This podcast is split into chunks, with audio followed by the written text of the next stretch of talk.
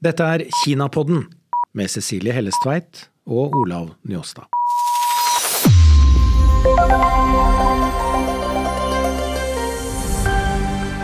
Gjester i denne episoden journalistene Tobias Andersson Åkerblom og Anders Magnus. Før vi introduserer gjesten vår, som eh, er med oss på linje fra Amsterdam, Cecilie, så i helgen fikk jeg et lite flashback. Vi snakket i en tidligere episode om hva som motiverer oss for å lage Kinapodden. Eh, det er én ting jeg ikke nevnte der. Jeg eh, glemte det rett og slett, men det kom tungt tilbake til meg i helgen. Det er 4. juni 1989. Da var jeg utenriksjournalist og jobbet i hele denne perioden knyttet til hva som skjedde, og som hadde et slags klimaks 4. Ja, da var, gikk jeg på gymnaset i Norge og satt klistret til skjermen og så da kinesiske militære satte inn sine tunge militære eh, tanks og, videre, og så videre mot demonstrerende kinesiske studenter på Den himmelske fredsplass i eh, Beijing. Og det, resultatet var en stor massakre. Det, ble, et blodbad. Vi husker alle eh, mannen med posen, antagelig en student med posen som stanser en stridsvogn. Det var ikke det typiske utfallet av dette. Det ble et blodbad. Eh, I helgen så samlet det seg demonstranter. Covid eh, var et av utgangspunktene, men det ble også ropt slagord. Eh, en massiv folkemengde som roper slagord at president Xi må trekke seg, og at Kina må ha en demokratisk utvikling. Altså må, må utvikle et demokrati. Og det som jo da dukker opp når disse unge menneskene står der, det er tanken på hva skjer nå? Hva er det neste vi kommer til å se? Ja, jeg får en sånn flashback til 2011 og situasjonen i Syria. Det var også et diktatur. Eh, et veldig sterkt autoritært samfunn, hvor de unge som gikk ut og protesterte mot regimet, eh, ikke kjente til den ekstremt blodige historien til dette regimet, som hadde slått ned på eh, demonstrasjoner i 1982 med mange tusen drepte. Dette kjente ikke ungdommen til, og de trodde heller ikke at regimet var kapabel til til blodsutgytelse, og de trodde at resten av verden ville komme de til unnsetning, og da tok de feil. Eh, med det resultatet at de ble druknet i blod. Eh, og det er jo utfordringen også i Kina, hvor du har hatt en utvikling de siste årene hvor kommunistpartiet har strammet inn på de autoritære eh, kontrollmekanismene, og du har en opprustning som gjør at du nå har en, et ganske sterkt kinesisk forsvar, altså militær maskin, som kan settes inn ute, men også inne. Og vilje, og vilje til å bruke makt. Eh, redaktør i Politico, et av de tyngste miljøene for journalistikk i Europa, eh, om politisk utvikling, bl.a. i Kina. Redaktøren av Europa-delen av denne Politico, eh, Shamil Andelini, var korrespondent i Kina i 20 år. Hans refleksjon rundt dette er at kinesiske myndigheter har vært så gode til å legge lokk over hva som skjedde på Den himmelske fredsplass etter studentaksjonene, studentopprøret, at kinesisk ungdom ikke kjenner til det. De kjenner ikke til dette blodbadet, hva som skjedde. Og at den naiviteten eller den uvitenheten som da oppstår, skaper nye problemer for regimet. Fordi eh, frykten som jo terror skaper, den er ikke til stede. Ja, det er jo en uvitenhet som ikke er lykkelig i det hele tatt, men som fort kan bli din eh, undergang. Men det er klart, kinesiske myndigheter har brukt mye krefter på å holde historien om det som skjedde på Den himmelske fredsplass i sjakk. Og det gjelder også for så vidt i vestlige land. Eh, jeg husker på 2000-tallet da spanske dommere hadde rett til å straffeforfølge eh, forbrytelser mot menneskeheten over hele verden. Eh, og da de startet med å etterforske massakrene på Den himmelske fredsplass, så la kineserne så tungt press på spanske myndigheter at de innsnevret den loven.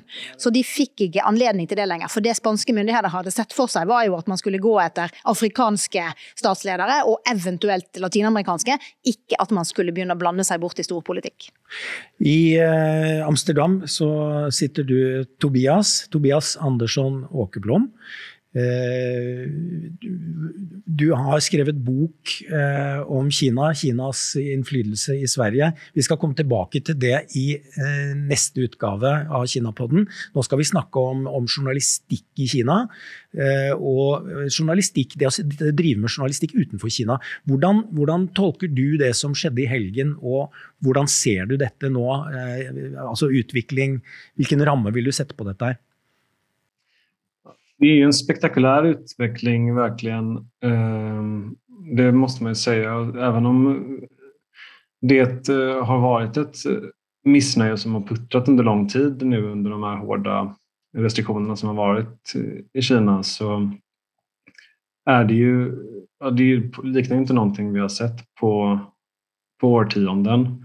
Och, och därför är det väldigt svårt att säga vart det kommer ta vägen. Men det som är um, eh, intressant. Just, just nu kom ju ett besked om att Kinas föreledare Jiang Zemin eh, har dött och han var ju en av dem som, som ledde Kina under en annan era när det rörde sig mer mot öppenhet och, och eh, marknadsekonomi och så. Och det kan ju mycket väl också bli en sån symbol eh, som kan användas av demonstranterna eh, där man kan liksom gå ut på gatan och hedra den gamla ledaren eh, men egentligen kritisera den nya regimen ehm, och komma undan med det. Så det, det, är väldigt svårt att, säga men, men just den här ehm, den här rädslan eh, som finns, eh, och den finns ju att, att, att, att det finns en självcensur och att man, man aktar sig för att, att kritisera regimen. Men den kanske, som ni säger, den kanske inte finns i den utsträckningen att man, man är så rädd som man, man borde vara. Det, det, är väldigt svårt att säga tycker jag. Vi skal vise et uh, klipp som ble lagt ut på Twitter. Uh, det er da BBC-journalisten Ed Lawrence som blir fraktet vekk.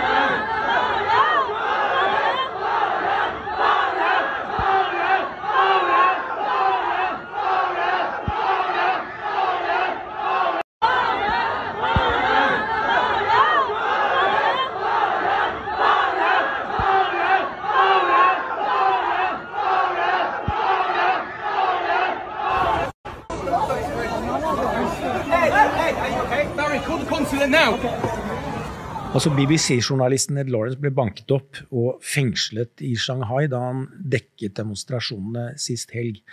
Eh, det virker kaotisk, uorganisert, eh, og noen kommentatorer har jo sagt og ment at dette er organisert av Xi Jinpings motstandere. At det er tillatt at man slipper til dette her. Det kinesiske systemet er så lukket at det er vanskelig å komme opp med gode teorier på hva som er hva. Men det vi vet, er at det er ikke uvanlig med demonstrasjoner i Kina, men det som er uvanlig, er at det kommer ut bilder, at det kommer ut fortellinger som er såpass direkte og sterke som denne. Og at skildringen får en eller annen internasjonal tyngde. Eh, er den eh, oppmerksomheten som oppstår da i utlandet, tror du den påvirker den neste handlingen til det kinesiske regimet? Det kan den absolutt gjøre. Sen så har de jo vist gang på gang de seneste årene at de ikke nødvendigvis bryr seg så mye om um, hva folk tykker i utlandet. Men, men den kan jo også stärka uh, de som demonstrerer og protesterer. Alltså, om sensuren hindrer uh, hindrar utländska nyhetstjänster och sådär så är det ju fortfarande så att, att många lyckas få tillgång till, till det som publiceras utomlands. Så om man, om man ser att eh, det här är en stor grej även utanför Kina så det är klart att det kan, det kan ge en vatten på, på sin kvarn och ge mod att, att fortsätta. Möjligtvis. Men mitt, mitt, spørsmål som ikke-journalist er jo hva, hva, slags konsekvenser får dette for journalister som skal dekke eh, Kina fremover? Er dette også noe som legger en veldig demper på journalisters vilje eller for så vidt evne til å dekke disse demonstrasjonene? Og kan det være på en måte den effekten kinesiske myndigheter egentlig selv søker? At man, at man slipper dette ut som en slags advarsel til andre journalister, eller hva slags effekt får det for journalister når man mm. får hva, denne type bilder? Hva gjør Ed Lawrence i morgen? Eller hva gjør eh, NRK eller eh, svensk, svensk TV når de sender sine korrespondenter inn i, for å dekke denne type demonstrasjoner fremover? Den våte filten man ska säga, har, jo, har ju funnits under en ganske lang tid. Um, det har ju varit ett problem som har, har um, funnits i, över ett decennium. At att um, utländska medieföretag har problem med att deras journalister inte får visum, de blir trakasserade. Eh, kinesiska myndigheter eftersöker deras källor och, eh, och straffar dem för att de pratar med dem. Så så det har, det har möjligheten att bedriva journalistik även som utländsk journalist i Kina har ju verkligen eh, försvagats kraftigt under det senaste decenniet. Så att på det sättet så även om, om den här misshandeln är liksom en ny nivå av det så, och att det, det, är spektakulärt i och med att det kommer bilder på det så är, är det kanske inte så förvånande skulle jag säga eh, i sig. Um, så att det är klart att det, det förstärker den utveckling som har varit under en längre tid uh, och det kommer ju definitivt få uh, reportrar på plats att tänka ett varv till kring hur man agerar vid till exempel sådana här demonstrationer. Men det, det är inte något väsensskilt från, från vad vi har sett tidigare. skulle jag säga. Mm. Har du egne erfaringer med motstand eller handlinger fra det kinesiske regimet når du har forsøkt eller har gjort jobben din? Jag har alltså när jag jobbat med den här, min bok uh, så har jag fått förvånansvärt lite motstånd direkt från regimen. Sen så kan man, har jag fått en hel del liksom motstånd från andra personer som vi har granskat och, och, och så även tidigare. Eh, och, ehm, eh, jag har också varit med om att liksom, intervjupersoner har, har, har stoppats på plats och, och sådär. Jag har till exempel också varit liksom föremål för Eh, stämningshot och, och, liksom hot om polisutredningar och, och, och sånt där. Men, men eh, i Sverige så har det ju varit många journalister som har blivit utsatta för liksom rena eller inte många, men, men ett antal som har blivit utsatta för rena liksom svartmålningskampanjer och så från kinesiska myndigheter också. Det har jag än så länge sluppit faktiskt.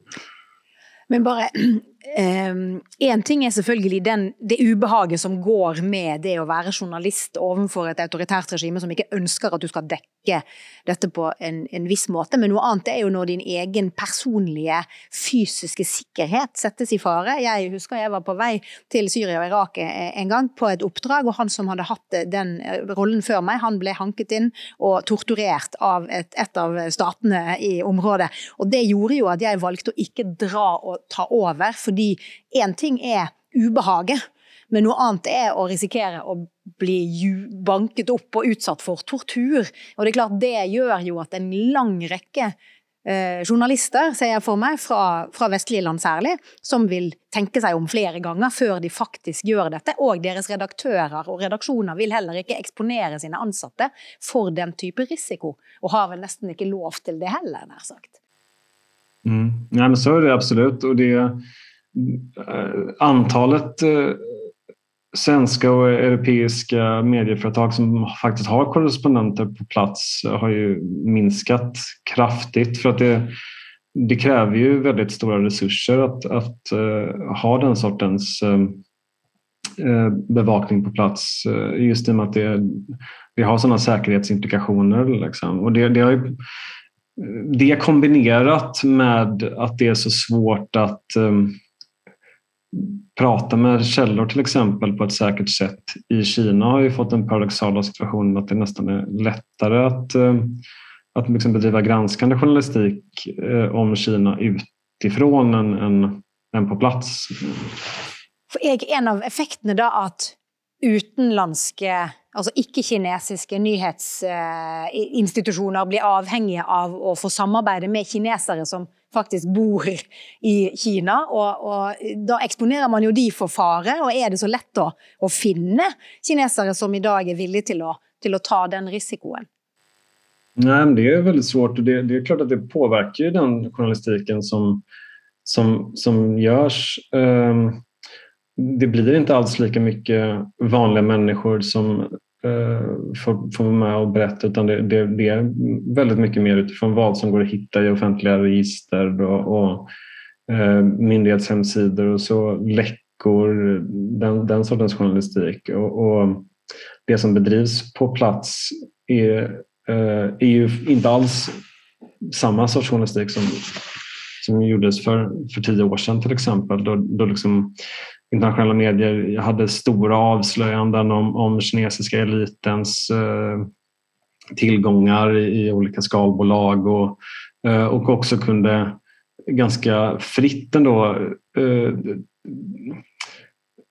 prata med, med folk som, som blivit eh, utsatta för olika lokala eh, korrupta ledares maktutövning och, och sådär. Den, den sortens journalistik plats i Kina har blivit väldigt mycket mer sällsynt idag skulle jag säga.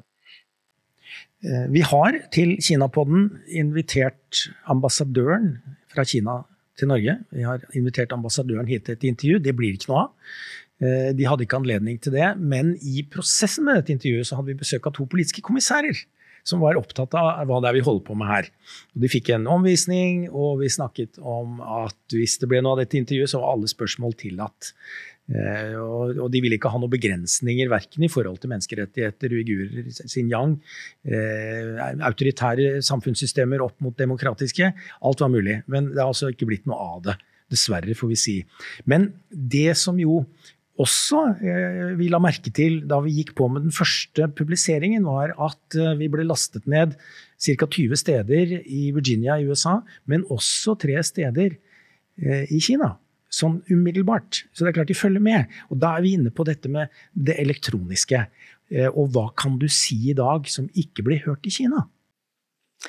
Nei, fordi det digitale Eh, den digitale virkeligheten vår gir oss jo kolossale muligheter til å kommunisere. Både med hverandre og over landegrenser.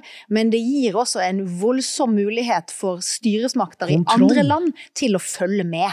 Og det som er også viktig å være klar over, er at i Norge så er det norske myndigheter som ikke har lov til å overvåke norske borgere. Utenlandske etterretningstjenester de har for så vidt anledning til å gjøre det, og de gjør det i utstrakt grad. Så det er også på en måte et spørsmål som handler om hva slags type nærvær har land som Kina eh, i Norge og Sverige digitalt, er jo et, et, et, spørsmål. Og det neste spørsmålet er jo når vi kommuniserer med Kina og kinesiske journalister, eller norske journalister eller utenlandske korrespondenter i Kina, hvor mye kontroll har kinesiske myndigheter over den kommunikasjonen? Ja, altså det... Er man i Kina får, og jobber som journalist så får man utgå fra at eh, all digital kommunikasjon er overvåket, skulle jeg säga. Eh, det är ju omöjligt att veta exakt vad som eh, vad som snabbast är upp och inte och, vilka liksom, krypteringar de kan knäcka. Men, men eh, det är en god tumregel skulle jag säga att, att, eh, att eh, är det i Kina så, så kan de ta del av det. Vi har en kollega, tidligere kollega får vi si, Anders Magnus. For noen, uker siden, for noen måneder siden faktisk, så gjorde vi et intervju med Anders knyttet til det å jobbe som journalist i Kina. Han har vært korrespondent i en periode, en tid tilbake dette også, men Anders har fulgt godt med. Eh, og da har vi vært opptatt av eh, å ikke kompromittere den som sitter der i dag, som kanskje vil ha litt begrensninger. Anders er nå pensjonert fra NRK eh, og er ganske fritalende i forhold til sin opplevelse om hva han opplevde da han var korrespondent i Beijing, stasjonert i Beijing. Vi bruker dette intervjuet nå. Det er en annen setting. Eh, vi har litt forskjellig hårfrisyre og påkledning, men vi syns at her er det viktige ting som er relevante nå. Så nå spiller vi dette intervjuet eh, med Anders Magnus. Eh, Anders Magnus, du er med oss, og du er tidligere Kina-korrespondent for NRK. Og du skal snakke med oss om journalistikkens skrevne og uskrevne grenser i Kina. Altså ditt, din opplevelse som tidligere korrespondent, det er en stund siden, men du har fulgt med helt siden du var i Kina. Nå kom du nettopp hjem fra Washington. Eh, hva er det du ser nå, når du ser utviklingen i Kina? Jeg ser en overgang fra et uh, autoritært regime til et totalitært regime. Dvs. Si et regime som forsøker å ha total kontroll på innbyggerne, og fremfor alt på pressen. Det har skjedd veldig mye siden jeg var der. Da var det ille nok. Men nå er det nesten umulig å bedrive uavhengig journalistikk, selv om det er mange modige journalister som forsøker. Men alle journalister i Kina må nå eh, laste ned en app som heter eh, Studere Xi, eh, altså formannen i kommunistpartiet. Eh, og den eh, appen er sånn at myndighetene kan gå inn eh, på telefonen din og avlytte alt du sier, alt du gjør. De kan følge med, de kan lese kontaktlistene dine, se de videoene og bildene du laster opp. Alt mulig.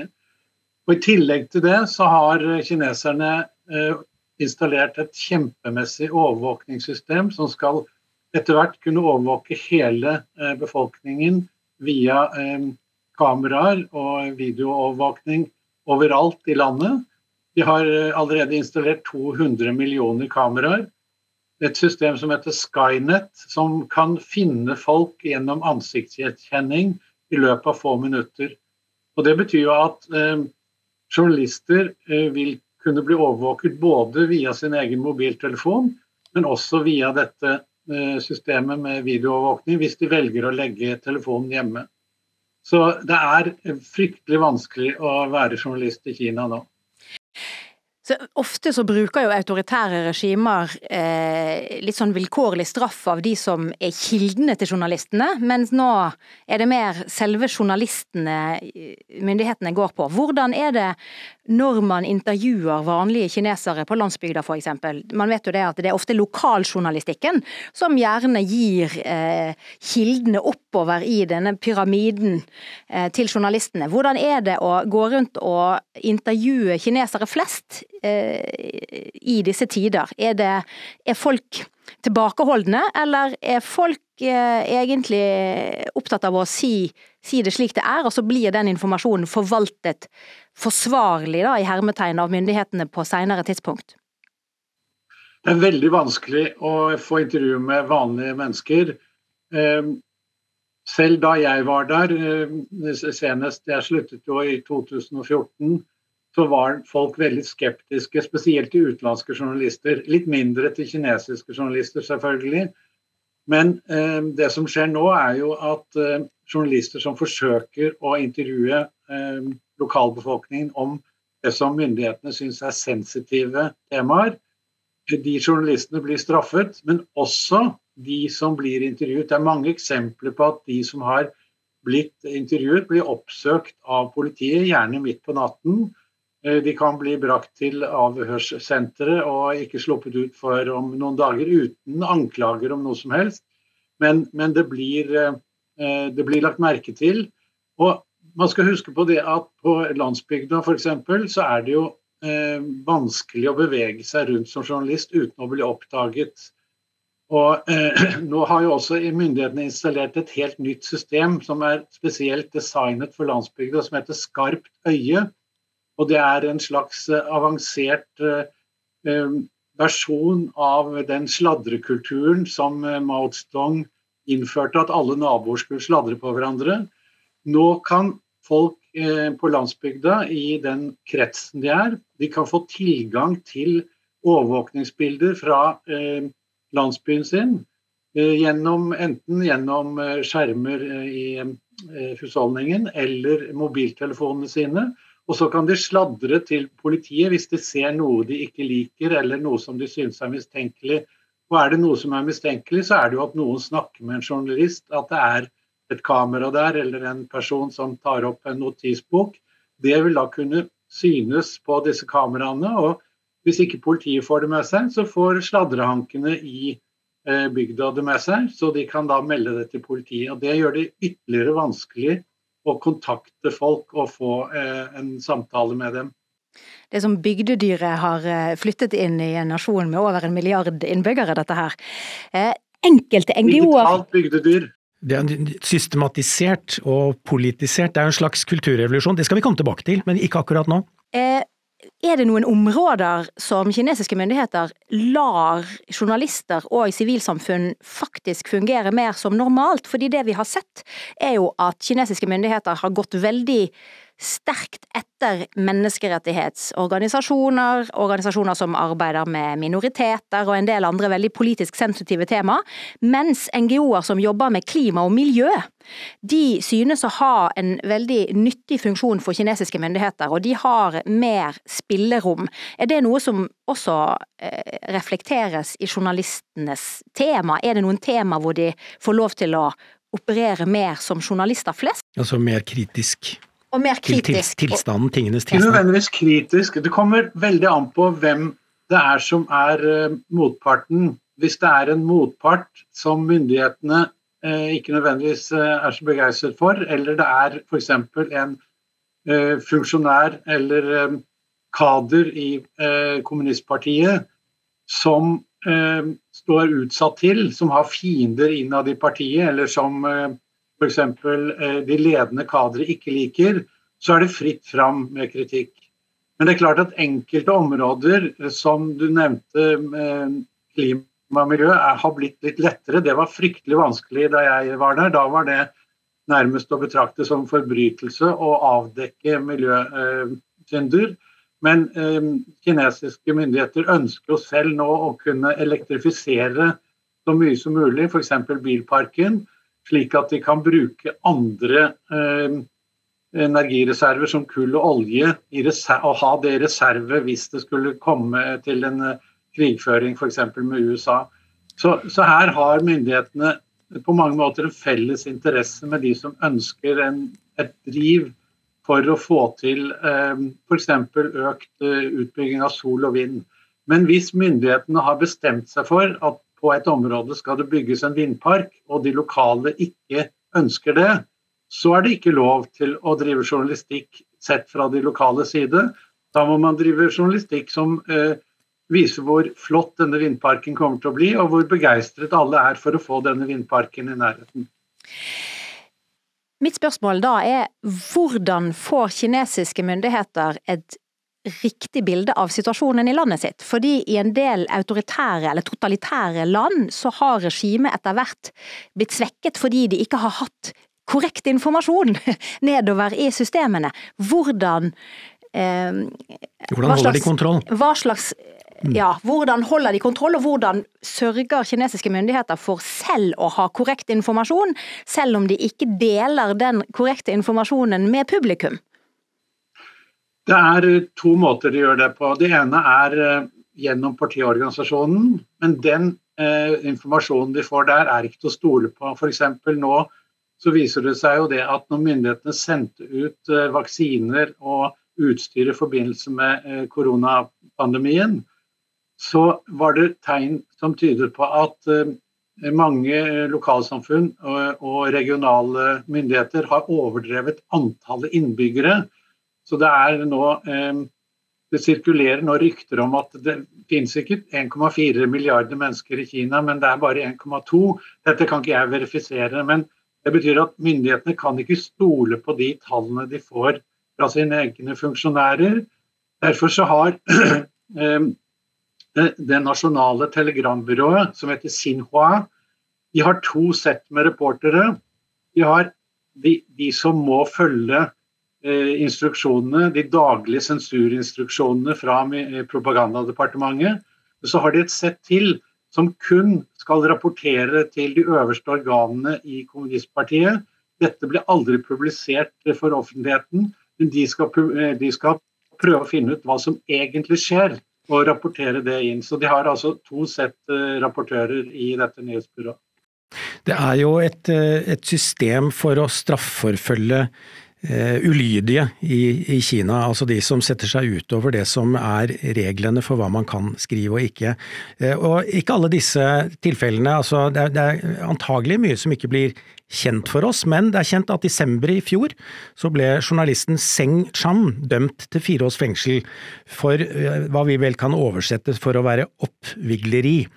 Eh, en, eh, I en rettssak der kinesiske dommere mente at hun oppfordret til krangling og bråk, og hennes eh, sak, den hun jobbet med, var at hun dro til Wuhan for å rapportere om covid-utbruddet da det startet, og ble altså da dømt til fire års fengsel fordi at dette ble ansett for å være oppvigleri.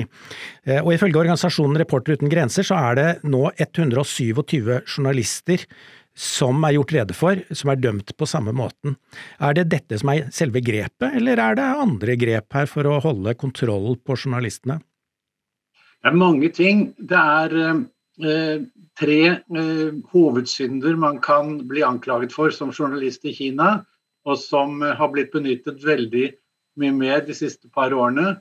Det ene er spionasje, som ofte brukes mot utenlandske journalister, bl.a. to australske journalister som måtte komme seg De ble, de ble anholdt og bedt om å holde seg i boligene sine eh, og under trussel om at de kunne bli fengslet. Etter mye Eh, kommunikasjon mellom Australia og Kina, så fikk de lov å slippe ut. Og Australia har nå ingen eh, altså sine journalister i Kina lenger. Spionasje er veldig alvorlig. Hvis man blir anklaget for det, så kan man regne med å komme i fengsel. Så er det de to andre som er veldig vage formuleringer. Og Det ene er det som eh, Cheng Shan eh, ble anklaget for, skape trøbbel og sette i gang krangel. Altså, det er jo så diffust at du kan benytte det eh, mot absolutt alle.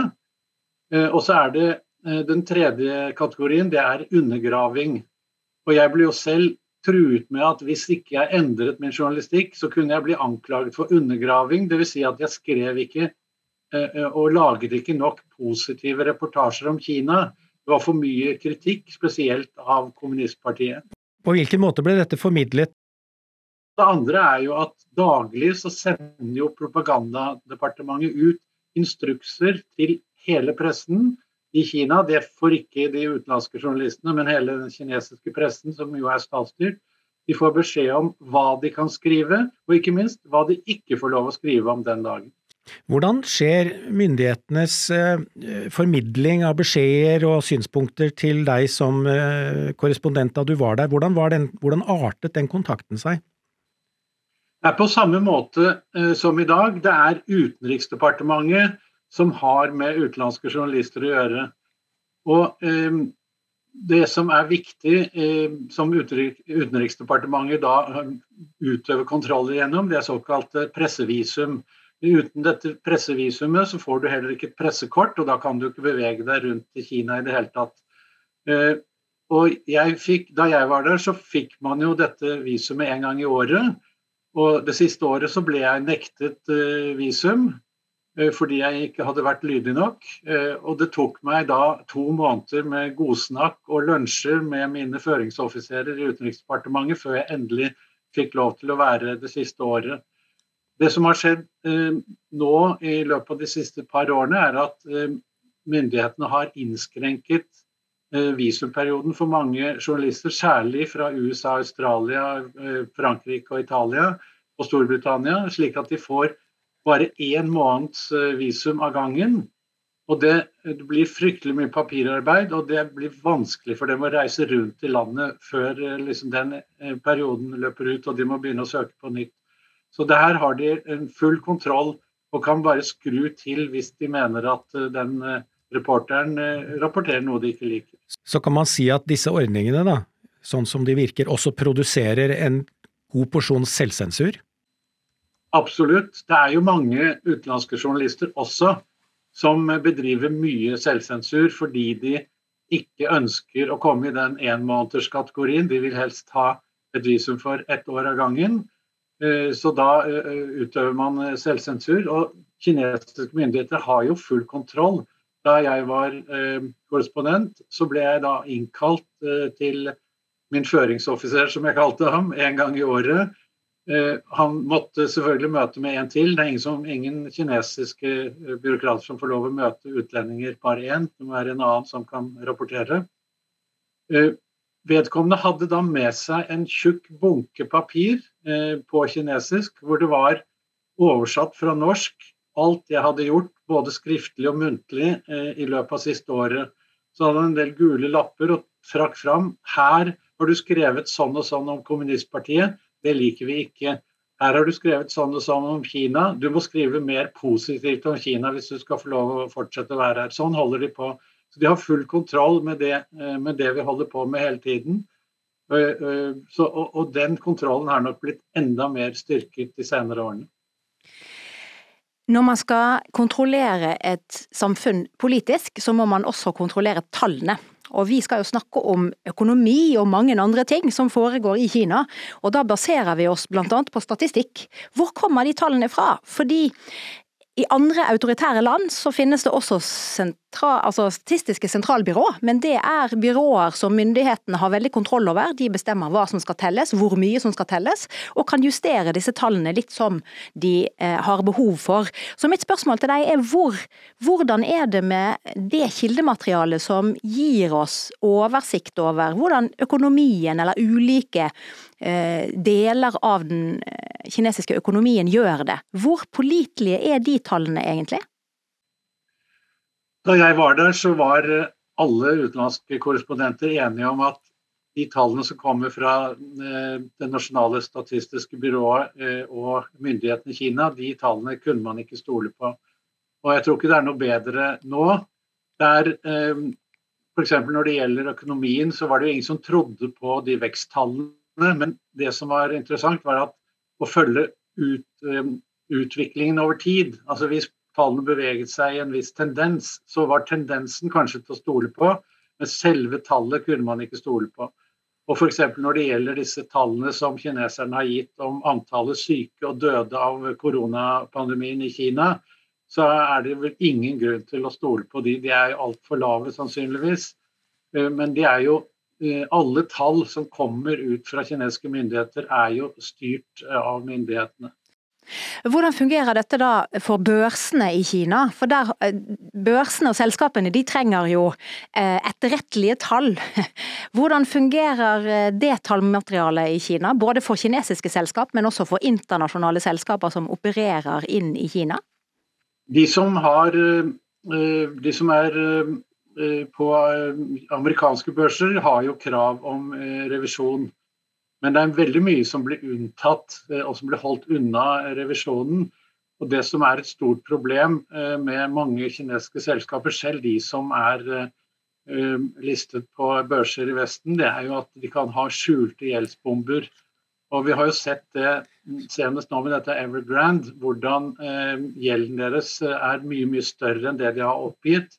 Og Det er nok en generell eh, tendens blant mange eh, kinesiske firmaer at de har skjulte gjeldsposter. De skylder penger eh, til helt andre steder enn det som eh, det står om i regnskapene. Det kan være grå lån, det kan være lån til de ansatte og sånne ting. Så, så her må man være veldig veldig forsiktig. Og det å drive forretningsvirksomhet i Kina, da skal du ha en svær eh, rygg bak deg, sånn at du kan tape masse penger. Jeg har jo snakket med mange norske forretningsfolk som f.eks. For sier at det er helt umulig. De, de, de, måtte bare trekke seg ut ganske raskt fordi de skjønte at her eh, klarte de ikke å ha oversikten over det som skjedde. Når det gjelder eh, kontroll med informasjon i våre dager, så var du inne på det innledningsvis, rundt dette med de digitale virkemidlene og, og overvåkningsverktøyene som kinesiske myndigheter har. I USA snakker, og i Europa snakker vi om GAFAM, ikke sant. Disse fem store, Google, Amazon, Facebook, Apple og Microsoft. De forvalter en masse informasjon som amerikanske myndigheter benytter seg av til en viss grad, men de har jo ikke kontroll over disse selskapene. Og det er jo en lang kamp det har vært mellom amerikanske myndigheter og europeiske myndigheter og GAFAM. I Kina så har man eller Batex, Baidu, Alibaba, Tencent og Xiaomi, som har litt av de samme funksjonene.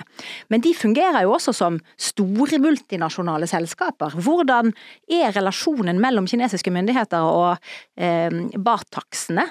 Hvordan, hvordan kontrollerer myndighetene disse eh, selskapene mer direkte, og hvordan lar det seg gjøre?